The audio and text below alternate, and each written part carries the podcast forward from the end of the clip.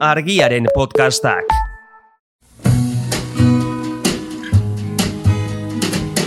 Don't know much about history. Don't know much biology. Don't know much Hau, oroimen histerikoa da. Historia diren istorioek txoratzen gaituztenon podcasta. But I do know that I love you. And I know that if you love me too,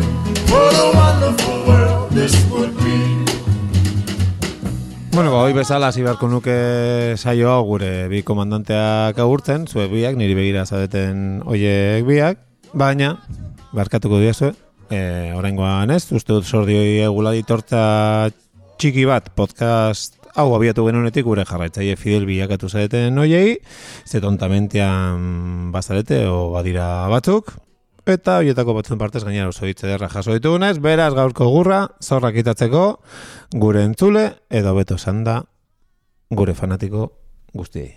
Bai, bat nator horrekin. Hola, hortxe atzea. Eta bain, hori izan da, nora eramango gaituzu.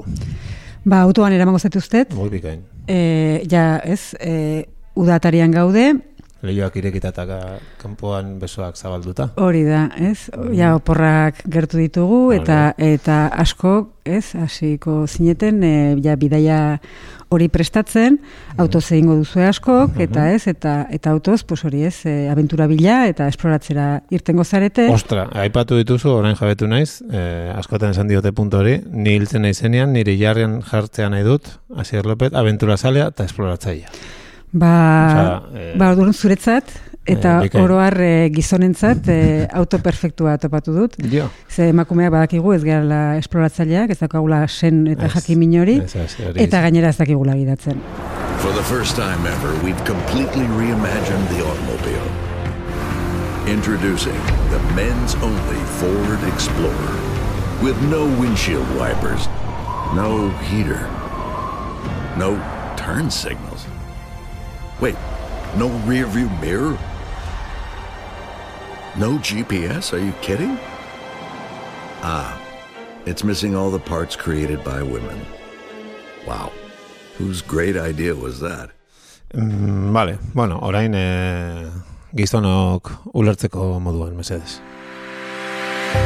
Era bat berrasmatu dugu automobila. Aurkezten dizuegu Ford Explorer gizonontzako bakarrik den automobila. Aizetako garbigailurik gabe, berogailurik ere ez, keinukaririk gabe, et. Itxaron, atzerako ispilurik ere ez dauka? GPS-erik ere ez benetan? Ah, emakumeek sortutako osagai guztiak falta zaizkio. Enne, norena izan da ideia bikain hori. Horrela bai. Bai, Ze ondo. Errako txia, eh? bai. kontua da hori, e, Fordetxeak, Kanadako Fordetxeak e, zehazki, joan den martxoan, e, iragarki hau e, atera zuela, ba hori ez, e, emakumearen e, egunaren aitzakian, ziur gero, martxotik aurrera ja, ez, betiko Bai. Oso Bai. parekidea diren Bai. iragarkiak egiten. Bai, baina ironiari gabe. Ironiari gabe. Eta, mm, baina, bueno, e, zera, iragarki hau ikusi eta gustatu zitzaigun, ez? Bai. Aitortu behar dut kosta egite zaitela Fordi buruz e, gauza honak esatea. Bai, eh? Bai, ja azkure pixka bat nabaitzen hasi naiz azalean. historia antikapitalistarekin. Bai, bai, bai, langile eskubideen defendatzaile Mm, sutsua. Henry Ford, bai, bai. Bai. Eta gainera justo duela pare bat aste argiako efemerideak irakurtzen ari nitzela, em, jartzen zuen duela berrogeita urte, mila zortziko ekainaren em, zazpian, Mhm. e, Inglaterrako Ford lantegi bateko emakumeak greban hasi zirela, ez, ba, soldata e, parekidetasuna eta soldata berdinak eskatzeko, eta Ford, ba hori ez, e, aitzindari feminista izaki, pues Fordek etzien e, jaramonik egin. Ba, agian pizka geroxeago edo ez. O, o ez. E, bai, mila behatzen dara lauan beste greba bat e, egin Ah. zuten, eta orduan hasi ziren gauza pixka bat aldatzen, pixkanaka. Aldaketak aroso. Bai, bai, bazpare dana batera agian, bai. Ez, ez, ez, ez, hori movida handia da. Bueno, baina kontua da, anuntzio hau ere izan zitekeen ba, kondescenditeagoa edo paternalistagoa, ez? Eta, eta nik uste dut asmatu dutela, ez? Eta gaina asmatu dutela ikusteko seinale bada, e, iragarki hau YouTubeen dago, eta YouTubeko iruzkinak irakurtzen badituzu, Mm. Forokotxez. bai, bai, bai, maskulinitatea euskorra darie, e, iruzkinei, bakizu ez, ba, bua, autoa, ez, e, gizonezkoak asmatu zuten, gauza guai guztiak bezala, ez? Mm. Gurpila, ere bai. Bai, Seguro. gurpildu maletak ez, baina... Hori, ez, bai. Eta eta be- beste modalitate badago da e, ados. Gauza danak emakumeek asmatu zituzten, baina ez dakitelako gidatzen, ez? Gu gizonok ez dugu behar e, Claro. horrelakorik, ez? Bai, bai. Guk orientatzen badakigu emakumeok ez bezala, eta ez?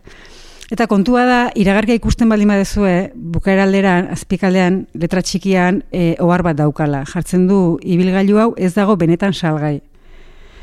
E, nik uste nuen argitzeko beharrik etzegola, baina iruzkinak irakurri ondoren ondo dago argitzea. Ba, ez da. Bai. Ez dakit ne- negozio handia ingo zuten hauek eh, honekin. Ez dakit, baina benetan plazerra da iruzkinak irakurtzen. bai. Eta, bueno, gainera, podcast honek, aukera, osea, e, iragarki honek, ematen digu aukera, pod- podcast hau egiteko, ez? Eta errepasoa egiteko, pues, emakumeek asmatutako osagai e, guztiei. José María, chacho, soy el coche que te está hablando. Me llamo Kit. Kit. El coche fantástico. Me han diseñado y tuneado especialmente para ti en Calzadilla de los Barros, provincia de Badajoz. Pero mi Josema es un enamorado, un enamorado de los coches del pasado. Pero su Josema es un enamorado, un enamorado de los coches del pasado. Hale, mi arma. Eh, zer? No, non ginen? Bo, errepasoa egingo dugu, ez? E, iragarkian aipatzen diren e, osagaiena. Bai. Ni burua joan zait bada jozera. Bai, ezta? zuzenean, bai. Ba, aizetako garbigailura joko dugu. Eh? Limpia parabrisasa, Ah, alegia. Vale. Bai. Frantzese ere esan barko dugu. Da, gondel de sui glas, esate zaio. Ah, oh, noski. Bai, horra bai, Bai, bai, bai, aizetako garbigailua, bueno, Ja. en fin. Kontua da, e, aizetako garbigailua Mary Andersonek eh, asmatu zuela, eta Mary Anderson e, mila zortziren diruroita soian jaio zen Alabaman. Eta beraz, Alabamako alaba zen.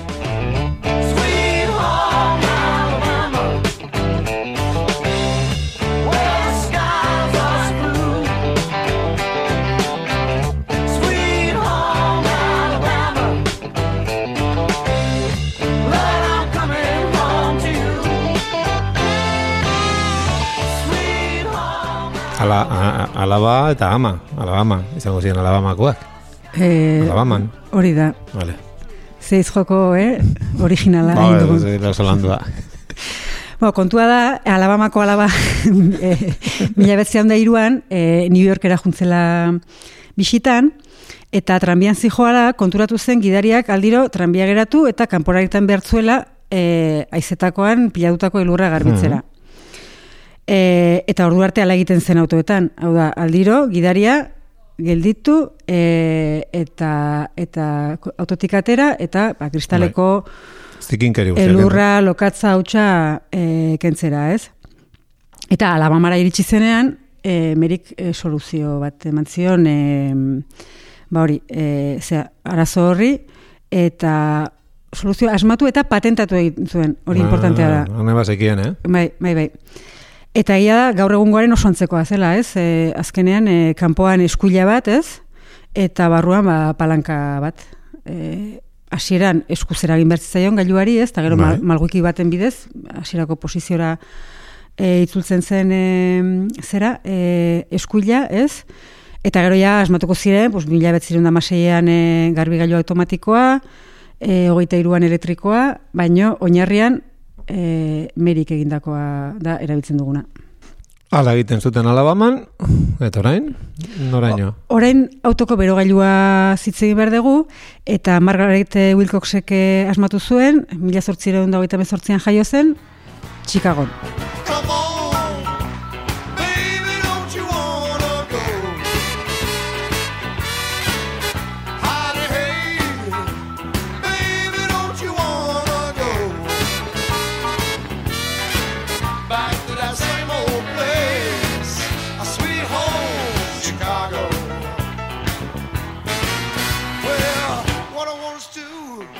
Eta ez egin zuen, Chicagoen. E, Margaret zan, e, garai hortako emakume ingeniari bakarrenetakoak, ingeniari mekanikoa zen, eta e, mila sortziren dara hogeita mairuan, beraz, e, garbigailua baino amarroterenago, e, asmatu zuen, motorrak askatzen duen aire beroa autobarrura bideratzeko sistema bat. Asmatu eta patentatu, baita ere. Kontua da, etzula lortu em, temperatura kontrolatzea, beraz, kotxe barrukoak kiskali, kiskatzeko arriskua oso handia zenez. Detaile txiki hori, ez? Bai.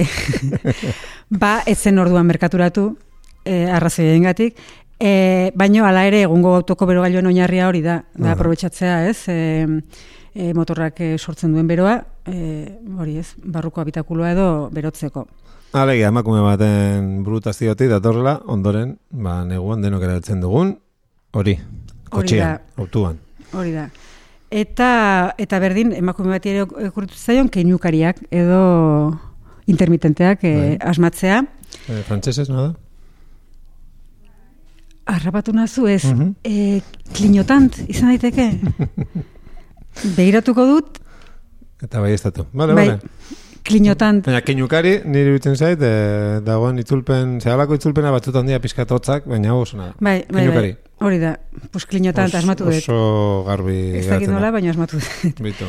Eta, mm, bueno, kontua da, e, Florence Lawrence izeneko kanadiar aktore eta asmatzaileak asmatu zuela. Aktorea e, zinema mutukoa, e, hasirakoa, eta Hollywoodeko lehen izarra esan zioten. Eta, bueno, kontua da, asmatu zuela e, hau e, mila batzion da malauan, kanadiarra zen, esan dugun bezala, e, Hamiltonekoa, Ontariokoa, eta ez dugu topatu Sweet Home Hamilton dioen Oh. abestirik. Bueno. Beraz, Ba, abestirik gabe jarritu beharko dugu. Bai, bai, bai, bai. gaixoa, Florence. Bere koinukaria, azkenean, botoi baten bidez eh, jartzen zen martxan, eta botoia sakatzean, autoaren atzealdean, e, loi babesean, Bai? guardabarrosean, Bai, bai. eta frantzesez zer esaten den ez dakit, eta ez nahi saiatuko asmatzen, E, pues alde banatan, beso batek seinale bat mugirazte zuen, ez, botoiari sakatzean, eta gidariak eskuinera edo ezkerrera joan bertzuen adirazten zuen horrela. Bai, bai. Eta galgardi, a- galga argia ere asmatu zuen argirik gabekoa, baino ez, hau da, galga sakatzean, frenatzean, e, stop zioen seinale bat e, Hola, zen, stop. Bai, bai, bai. Jo. Baina berak ez zituen asmakizunak patentatu. Orduan, em, garaiko enpresa, ez, autoenpresa hundiek eh, merkaturatu zituzten, eta Lorenzek ez zuen eh, sosik eh, ikusi. Bueno, Hollywooden zerbait ikusiko zuen. Hollywooden ere e, oso ere. gazterik, bai, aia zinema mutua eta ez, eta sonoraren arteko e, hori, jauzi hori zaila izate zen, eta egia esan miseria gorrian e, hiltzen. Beraz, esan dezakegu, gure Florence asmatzaia, osa, asmatzaia bai, baina ez zuen asmatu. Ez, ez, Eh, diru ateratzen ez duen asmatu. Horez, Ez. Baina bere buruaz beste egiten bai, eh? hor ba, Bai, hala, gaixua. berrogeita hamabi urterekin. E, beste urrengo asmakizuna edo GPS alizateke, ez, iragarriak esaten duena, eta esan beharra dago GPS-a ez zuela e, emakume batek asmatu, baina GPS-a e, erabiltzeko, osea, ezinbestekoa den e, teknologia wifi-a bai, ezaguna da, Jedi Lamar. E, Osea, e, Florence bezala aktorea eta asmatzailea ere bai. Aktoria ere bazan? Bai, bai, bai, bai. Baina oso, oso personaje interesgarria da. Egia da, biena jaio zala eta bienak musikarako ematezune abesti baterako. Bai, egia esan bai. Bai, nuk burtze, biena ultrabox zala- taldearena oso ona. Baina hori agian beste baterako utziko musika, dugu. Musika klasikoa. Hori da, Mozart, bai. zeola. Baina hori, bai, nik uste merezi duela bere podcast propioa. Orduan saltatu egingo dugu GPS-arena. Berez, bai, eta wifi-ari, wifi deitzen jarretuko dugu, ezta? Mm, Bai. Ez? Bai, bai, Wi-Fi, Ai, bai, eh? Horlasi behar dugu. ez dakit, ez dakit. eh, Beti. Frantzes ez duna esaten da. Eh, ba, seguro, ez dakit. Ego Amerikan seguro Wi-Fi esaten dutela. Mm, Vale. e, bideo ere esaten dute. Bidea, ari da. Bo, kontua da, azkeneko e, asmakizunera joko dugu, atzerako ispilua, Bai. edo retrovisorea bi hizkuntzatan gainera, Bai. bai frantsesez, bai gazteleraz. Eta bueno, e, atzerako ispiluarekin pixka bat, ez, lasaiago azalduko dugu kasu hau, oso berezia delako. Eta da, e, luzaroan, iturri gehienen arabera, e, atzerako ispilua Indiapoli, Indianapolisen e, asmatu Bai, zen, estatu- estatu batuetan, e, mila behatzen da eta gizonezkoek asmatu zen jakina. Kontua da, e, Indianapolisioko bosteun mila lasterketa, oso ezaguna dana, e, urte hortan egin zen, lehen aldiz, Mhm. Eta mm, Rai Ranune pilotuak ia dena prest zeukan, ez? Lasterketa parte hartzeko, bere marmon markako autoan, listor, eh, esaten zion, listorra esaten zion bere autoari. Txun segundu bat, hor zalantza badakat, eh, Ray Ranon animatzeko ze esaten zioten? Ran, Ray, Ran, Ranon, Ran. Ez dakit, Ez, dakit zer esaten zioten. Bai, hori da. vale. Kontua da, e, garai hartan, pilotuaz gain, autoetan mek mekanikari bat e, joaten zela, e, aurkariei adi egoteko. Mhm. Hau da, ez? Atzetik eta norzetorren eta ez zertzegon ikusteko. Eta eta hori falta zuen ranunek momentu hortan, ez? E, lasterketa hasi baino lehen. Ba, bai. Eta horregatik bere autoari e, jarri zion oinarri bat eta aurreko aldean eta horri helduta ispilu bat atzera begira. Bai. Hor arte. Eta ala nahi gabe, egun ibilgailuetan ezinbestekoa den atzerako ispilua asmatu omen zuen, ez? Eta eta esaten alaba, alabalitz ere ez, bersio ofizial hori sinestuko ba genu ere bai, Bai. e, asmakizun hortaz arro egoteko, ez? Bueno, Irtzezun motiboa dagola arro egoteko, hau da, autoa moteltzen zuten beste persona baten pixua e, eranztean. bai. E, eta erreflexuak ere erantzuna moteltzen zen. Elkarri esan bertziotelako, ez, ikusten zutena. Bai, bai. Eta eta ala ere, beste, ez, e, mekanika hori hori edo kopilotu hori falta arte, ez zitzaien bururatu hori. Bai, Hori, hori jartzea. Ez. Bueno, hobezen giza izpilua jartzea, ezta? Bai, gizon ispilua Gizon. jartzea. Eta emakumeek, bai, beste, ez, e, gaina, nola ispiluak, eskuzko ispiluak erabiltzen zituzte, makillaje nola zeukaten eta Claro. ikusteko, ba, ba lehenago e, e, bururatu zitzaien. Eta zein izan zen artista hori? Ba, bi emakume epatu behar ditugu. Alde batetik, daukagu han de Goxexor de Montemar. Jo, hau, hau, hau honek izango du... Hau, eh, uzesko dukesa zan. Hori izan da. Eta egia esan, e, marka e, desente dauzka. Lehen emakuma izan zen, Frantzian gitabaimena lortzen, ez? Bueno, dukesa izan da. Bai, larogeita mazazpian atera zuen, mila zortziron da larogeita mazazpian, jakina, berrogeita marrute zituela, eta urrengo urtean beste marka bat hautsi zuen, eta e, Parisen, Boa de Boulogneen e, gehiagizko abiaduragatik isuna jarri zioten lehen persona izan zen. E, horre mm, abiadura muga e, amabi kilometro ordukoa zen, eske... eta eta hanek egin zuena zen e, kilometro orduko, amabos kilometro orduko abiadura eroan zirkulatzen ibili zen. Siento bizian Uste dira,